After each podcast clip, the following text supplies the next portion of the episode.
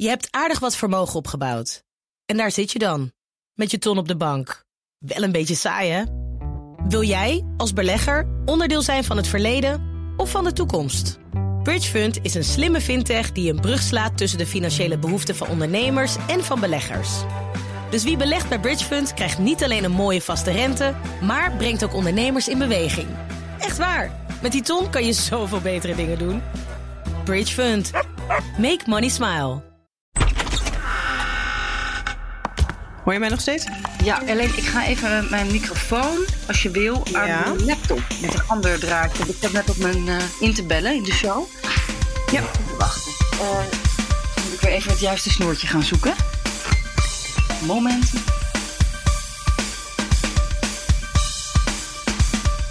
Ik heb eh, een paar van jullie eh, andere podcast Nieuwsroom Den Haag teruggeluisterd. En ik begrijp dat ik nu gewoon halverwege ergens eh, ons allemaal introduceer. Dat, dat is volgens mij hoe jullie dat doen, toch? Dan zeg ik nu, dit is Nieuwsroom Den Haag. Jij bent Sofie van Leeuwen, parlementair verslaggever van BNR. Laurens Boven, die missen we nog, want het is mijn reces, toch? Ondanks de debatten en de persconferentie is het eigenlijk reces. Ja, het is reces, maar het is ook geen reces. Dus het is mijn reces, maar alles gaat door. Althans, de coronadebatten. De belangrijke dingen. Als ook iets over KLM deze week. Dus, ehm, maar maandag is Laurens er ook weer volgende week. Die had echt mijn reces. En maandag is eh, Mark Beekhuis er ook weer. Ehm, ik vervang hem vandaag. Eh Paulien Schuster ben ik. Nou, volgens mij zijn we dan eh, rond qua introducties. We willen het hebben over wat de week in Den Haag was. Alleen mijn week die begon pas op woensdag met 4 en 5 mei ervoor. Be- begon die van jou eerder? Nou, ik zat op 4 en 5 mei was ik vooral aan het, aan het kijken naar de speech van, van de koning eh, op de Dam en zo. Dus eh, Ja. dat, eh, toen was ik eigenlijk in Amsterdam. Ik ben woensdag naar Den Haag gegaan. Toen hadden we natuurlijk ehm, de grote eh, persconferentie van de premier en Hugo de Jonge over eh, de, ja, de, het stappenplan, de route uit de, de, de corona-lockdown. Dus dat was ook voor mij wel eh, ja, de, de, de grote dag van deze week. Het lijkt gevoelsmatig soms al veel langer. Maar het is toch echt minder dan twee maanden geleden dat ik de televisietoespraak hield over de aanpak van de coronacrisis. Twee weken geleden konden we versoepelingen aankondigen van een paar maatregelen. Voor het basisonderwijs, de kinderopvang en sporten voor kinderen en jongeren. Ik heb toen gezegd dat we aan het begin staan van een nieuwe fase. Aan het begin, prille begin van de weg terug. Dit is de fase waarin we de overgang moeten maken naar die anderhalve meter samenleving. En nu we iets verder zijn in deze overgangsfase, kunnen we volgende stappen zetten. En daarover hebben we vandaag een aantal besluiten genomen. Er was wel heel veel druk hè, achter de schermen. eh, ook van Wiebus van Economische Zaken en van VNO, weet je, van het bedrijfsleven, Hans de Boer. Van jongens, kom nou gewoon eh, eh, met, met een perspectief uit deze crisis. Want dat doen andere landen ook. Daar zaten ze al langer op te broeden. eh, vorige week al. eh, maar goed, dat hebben ze toen nog even voor zich gehouden. En, en toen hebben ze, denk ik, in het Katshuis zondag wel de knoop doorgehakt van: oké, we moeten, los van het advies van de experts, toch on- onze volk een, ja, een uitweg bieden, of een mogelijke uitweg. Ja, dus dat is gebeurd. Het lekte eigenlijk al, eh, al vrij snel ook uit voor eh, de persconferentie. Want dat, dat valt me op. Dat is vroeg. Nou, ja, voor corona was dat natuurlijk ook al wel vaak. Maar nu heb ik het idee dat we die hele persconferentie, de inhoud al weten voordat de persconferentie begint. Ja, alles lekt de hele tijd uit. Ja, zo gaat het wel in Den Haag. Ja, die praat met die en appjes en achter de schermen. Wordt van alles, alles gelekt. Ehm, maar dat was voor ons leuk. Konden we meteen de reacties halen op zender. Eh, eh, alle, alle mensen die boos waren. Bijvoorbeeld de sportscholen die pas op 1 september open mochten. Eh, of ja, we hebben ook nog... het was gisteren hadden we natuurlijk nog de evenementenbranche. Die waren ook heel erg boos deze week. Ja. Naar de brief van de jongen. dat zij nou misschien pas eh, eh, als we een vaccin hebben, ehm, weer festivals mogen organiseren. Maar Dat bleek toch niet zo te zitten, toch? nee, er werd ook heel veel gestunteld deze week. Het was, het was een beetje een onhandige week eh, qua communicatie. Eh, in, de, in de brief van de jongen ja, zaten eigenlijk volgens mij twee fouten zelfs. Maar de- dit ging dan over het vaccin en de evenementen. Dat werd eigenlijk, nam hij dat weer terug. Uh, daarna. En moest hij zeggen: Oh, sorry, nee, toch niet. Ik koppel het niet aan een vaccin. Maar uh, we moeten gewoon kijken naar 1 september. Ik heb hier gewoon nog geen besluit over genomen. Dus misschien kunnen we toch wel eerder uh, een festival organiseren. Dus daar, werd, ja, er was, waren wat, wat onhandigheden. Maar dat zie je ook wel, weet je, in deze crisis nu overuren worden gedraaid op de ministeries. Dat die ambtenaren en de ministers het ook allemaal niet meer bijhouden. En wij ook niet. Um, wat er allemaal uh, uit wordt geperst aan communicatie. Maar laten we gaan naar de uh, persconferentie. Er was dus al heel veel uitgelekt en het idee was, we, er, ga, er komt versoepeling. Met wat voor gevoel ging jij daarheen, naar het uh, ministerie van Justitie? Nou, ik denk dat het gevoel was, dat zag je ook aan, aan de jongen en, en Rutte, opluchting. Een soort van gevoel van bevrijding, van we gaan hier uitkomen. En dat wordt ons dan nu eindelijk verteld. En um, je zag ook dat, dat dus de, de, de premier uh, ja, wat, wat vrolijker was. Uh, wat, meer ontspannen stond hij daar. Kon er een beetje bij lachen. Um, ja, dus op 1 juni, op 1 juli uh, mogen we weer aan het werk of op een terras zitten. Al dan niet met mondkapje hè, in het openbaar vervoer. Ja, dus dat was toch wel, dat was het gevoel dat we hadden. Was misschien een beetje ja, te te optimistisch achteraf gezien. Ja, ja want de dag uh, na de persconferentie, die begon nou ja, met enthousiasme. En we hadden net allemaal hoop gekregen op versoepelingen. En toen kwam dat debat. En toen eigenlijk vrij snel kregen we al het gevoel van. Nou ja, zoveel mogen we straks nog niet. Of zo zeker is het nog niet dat er echt versoepeld gaat worden. Bijvoorbeeld dat we 1 juni echt naar het terras mogen. Ja, en dat leidde dus tot, tot teleurstelling wel bij, uh, bij mensen in de Kamer. Um, dus ja, zo iemand als Geert Wilders die zei: U draait en u, u bent aan het terugfietsen. U zit terug te fietsen op uh, gisteren. Um, en um, mijn vraag nu is: mijn eerste vraag, wat is er gebeurd? Nou, ik, ik, ik, ik, ben, ik vind het altijd zo. Ik vind het altijd zo uh, potsierlijk als politici zichzelf gaan citeren. Maar ja, nu ik de kans krijg, ga ik het wel doen. Rutte in zijn persconferentie. De volgende stap zetten we op 1 juni. Als dat dus kan. Rutte. De volgende stap zetten we op 1 juli. Als dat dus kan. Dat verwijst terug naar mijn betoog gisteren dat er een winstwaarschuwing in zit. Een evenwichtsbalk. Uh, ik zag gisteren op het plein in Den Haag, serieus een café, die waren alle terrasstoelen, tafels waren ze al aan het neerzetten. Terwijl ik dacht, hallo, het is nog geen uh, 1 juni, toch? Maar mensen waren meteen, uh, denk ik, in, Nederland in, op straat bezig met we kunnen weer verder en vooruit. Dus die hoop, die is zo groot, dat werd zo omarmd eigenlijk, die boodschap van die persconferentie, dat Rutte ja, heel hard moest terugfluiten in de Tweede Kamer en zeggen: ho, ho. Uh, en, en, misschien is die ook wat teruggefloten door, hè, door het OMT achter, de schermen. Uh, zo snel gaat het nog niet, mensen. En dat is even slikken. Uh, dat is dus een perspectief dat ja, toch wel iets minder een perspectief blijkt te zijn. Wat denk je dan dat dat is? Heeft hebben wij inderdaad het te positief gezien? Of heeft hij toch een beetje een spin gemaakt uh, dat hij eerst het eigenlijk, wat da- eigenlijk wel wat optimistischer zei en dat hij nu tijdens het debat dacht, oh nee, uh, mensen gaan er iets te veel in mee, ik moet het even... Ik, ik, ik denk het gaat, gaat om de manier waarop je communiceert. Dus je, je, hebt een groot, je hebt een kop van je verhaal, dat weet jij als journalist ook. Uh, je zegt, we hebben een routeplan, 1 juni, 1 juli, we gaan eruit. En dan staat er in een bijzin als.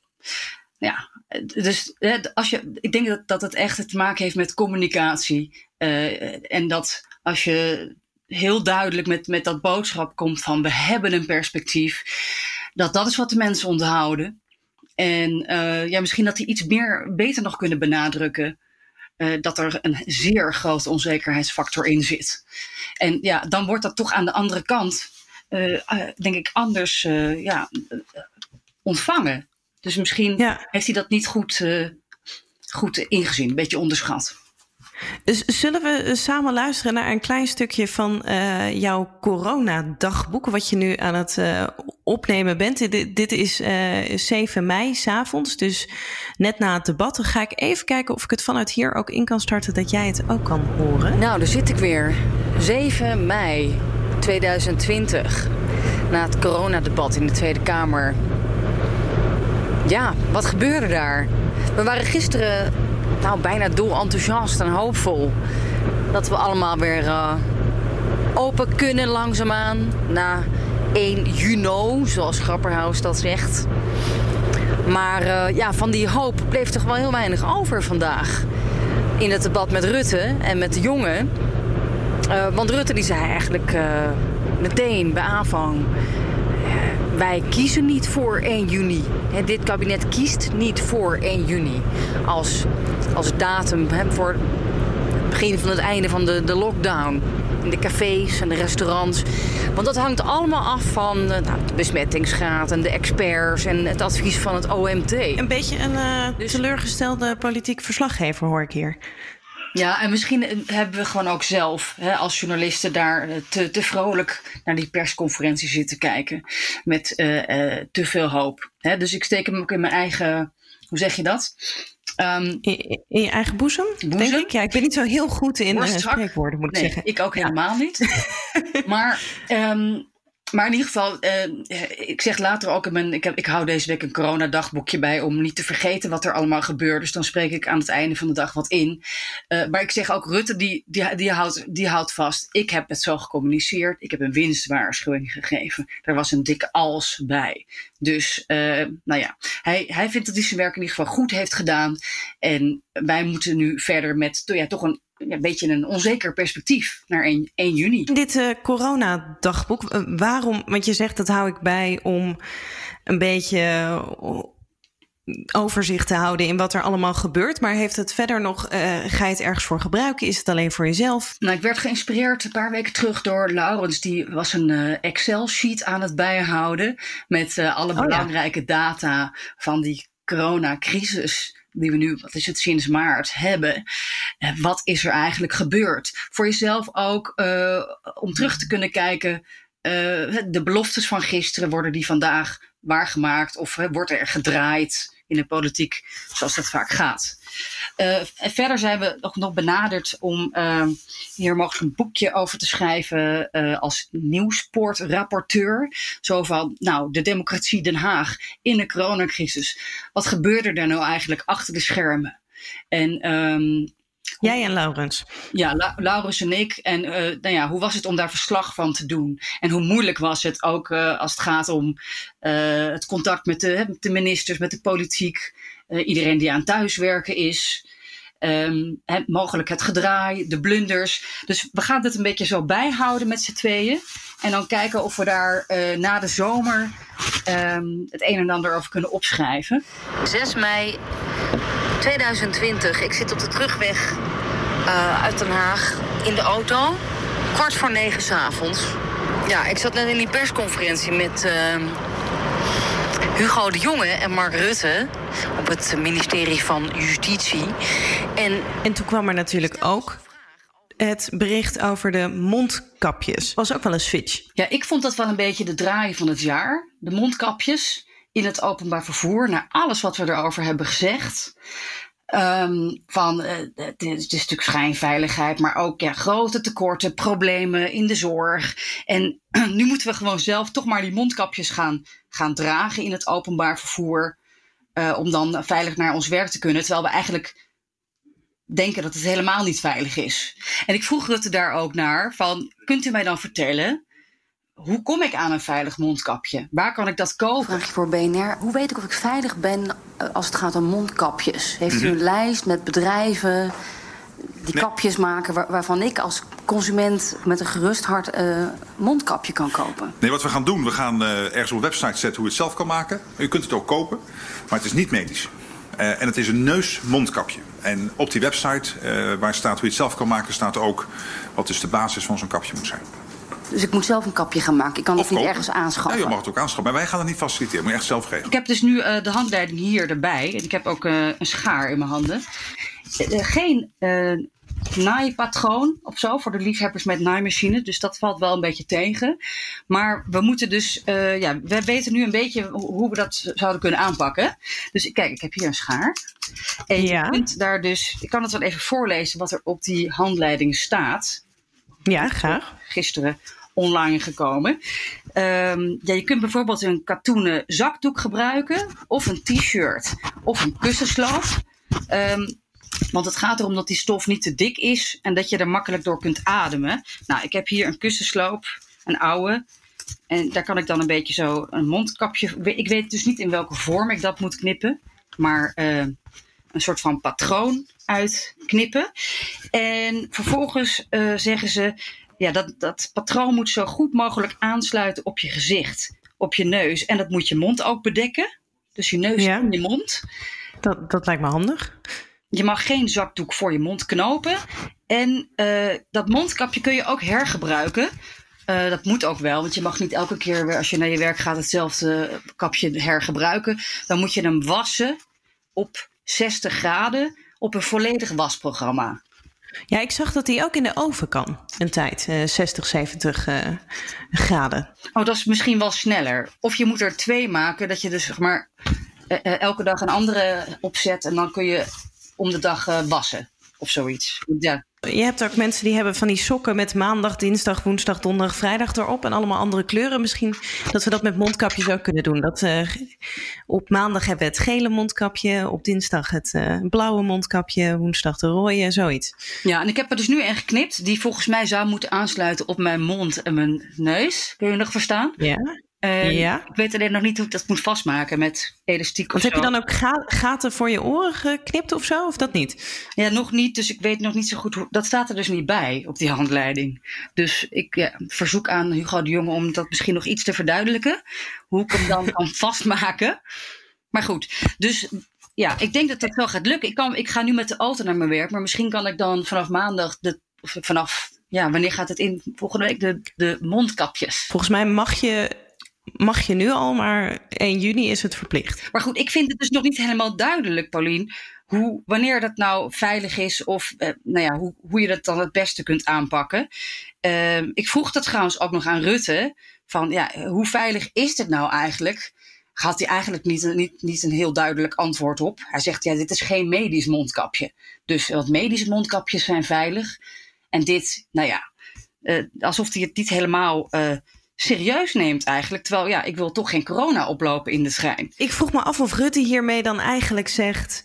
ja, die mondkapjes, die hebben we nou misschien een beetje onder politieke druk... toch maar gezegd, doe die op. Maar eigenlijk geloof ik er niet in dat het je dat echt beschermt. Dus eh, eh, ga maar in de, in de trein zitten met je mondkapje. Maar ja, wat voor mondkapje het precies is... dat maakt ook niet zo heel veel uit. Want het is toch geen echt goed medisch mondkapje. Ja, dat signaal geeft hij dus af. Ja, dat ben ik helemaal met je eens. Eh, dat, dat eigenlijk, ja, het is, we, geloven er niet in. Het bewijs is dun, zegt hij steeds. Het wetenschappelijk bewijs dat dit helpt. Dus ja, eh, knutsel maar wat en eh, het zal wel goed komen. Maar dan denk ik toch, we hebben het over de mogelijke verspreiding van het coronavirus. En afstand die je in de trein of in de bus moeilijk van elkaar kunt houden. Dus ik vind dat toch een beetje een rare instelling voor een premier om daar zo een beetje lacherig over te doen. En ook ja, als je dan met een handleiding komt online, zou ik zeggen dat dat kan beter. Ik heb er ook nog even over ge- ge- gepraat met eh, Jaap van Dissel van het RIVM. Van ja, wat vindt u er nou van? Want hij twijfelt ook over het nut van die mondkapjes. En was daar dus ook niet per se een voorstander van. En ik vroeg aan hem ook: hoe veilig is dit nou? Als ik ga knutselen. Nou ja, je moet uitkijken met de naald. Want als je je prikt, dan. eh, Ik ben dus heel onhandig. Ik kan wel wat maken, maar er zijn misschien eisen waar ik dan niet aan voldoe. Als ik lees wat het besluit is van de regering, denk ik dat er zitten talloze ondernemers in Nederland die hier kansen zien. En er is enige tijd gegund, dus ik denk dat u die mondkapjes bij de Albert Heijn, bij het station. Denkt u ook niet? Dus de, en dan moet je overwegen of je het zelf wil doen. Sommigen vinden het misschien heel erg leuk. En, en u geeft aan dat u onhandig bent. Nou, dan zou ik eh, aanraden, maak gebruik van de verkoop. Probleem opgelost. Als ik niet goed kan, eh, kan naaien, of dan moet ik maar een mondkapje bij de supermarkt halen. Nou, dus daar moet ik het dan mee doen. Dat klinkt wel makkelijker dan knutselen. Ja, ik denk dat ik dat dan. Ik, ik, heb, ja, ik, ik denk dat ik dat dan maar ga doen. Ja, of misschien moet BNR, moet, BNR gewoon gele mondkapjes eh, gaan maken. Dan hebben we plopkappen, maar ook een BNR mondkapjes. Dat we dat eh, als een soort merchandise kunnen gaan verkopen. Ja, ik vind dat een briljant idee. Dus bij deze eh, voor de afdeling sales marketing.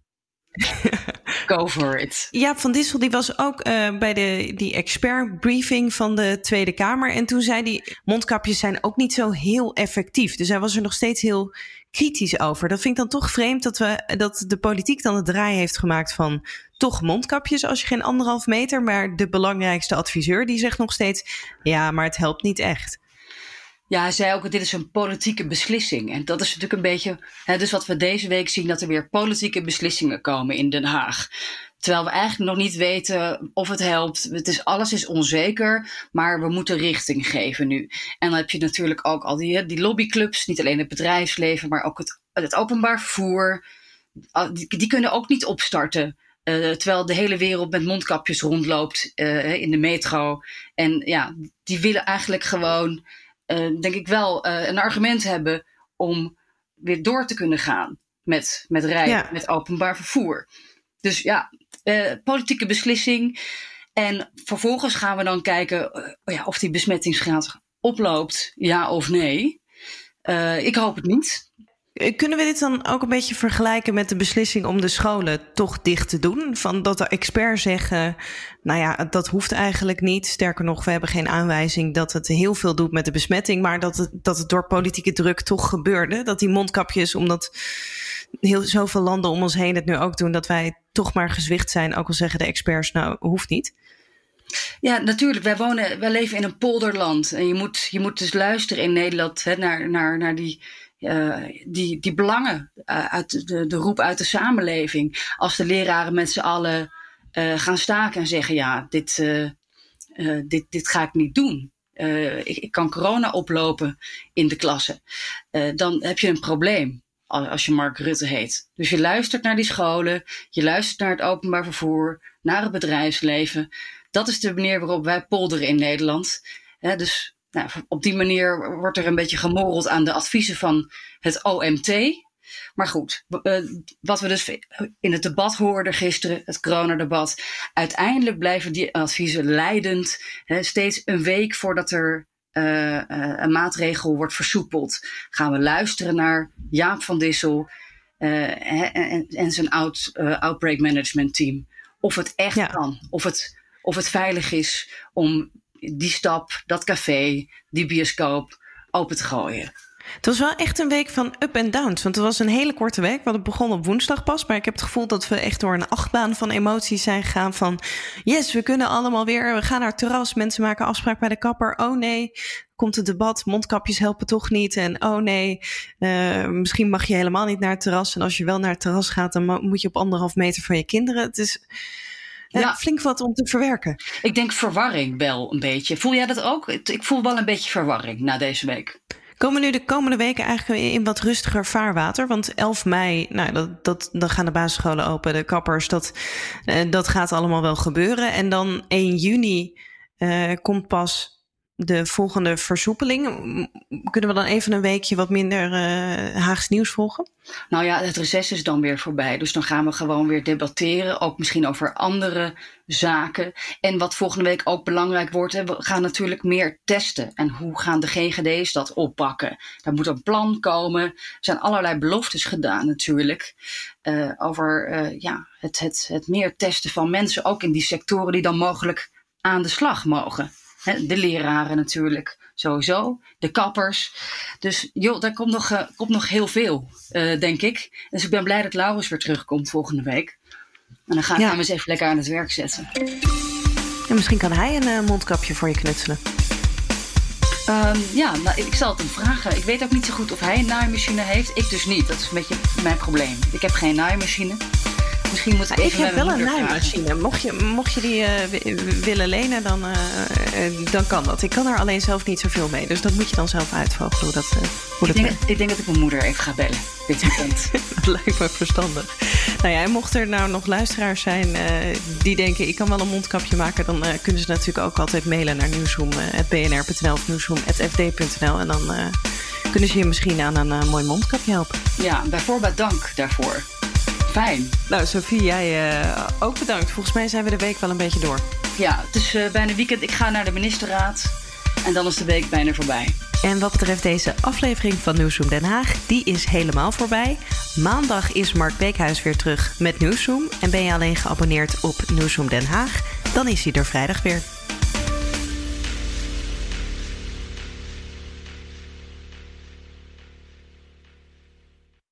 Je hebt aardig wat vermogen opgebouwd. En daar zit je dan, met je ton op de bank. Wel een beetje saai, hè? Wil jij, als belegger, onderdeel zijn van het verleden of van de toekomst? Bridgefund is een slimme fintech die een brug slaat tussen de financiële behoeften van ondernemers en van beleggers. Dus wie belegt bij Bridgefund krijgt niet alleen een mooie vaste rente, maar brengt ook ondernemers in beweging. Echt waar, met die ton kan je zoveel betere dingen doen. Bridgefund. Make money smile.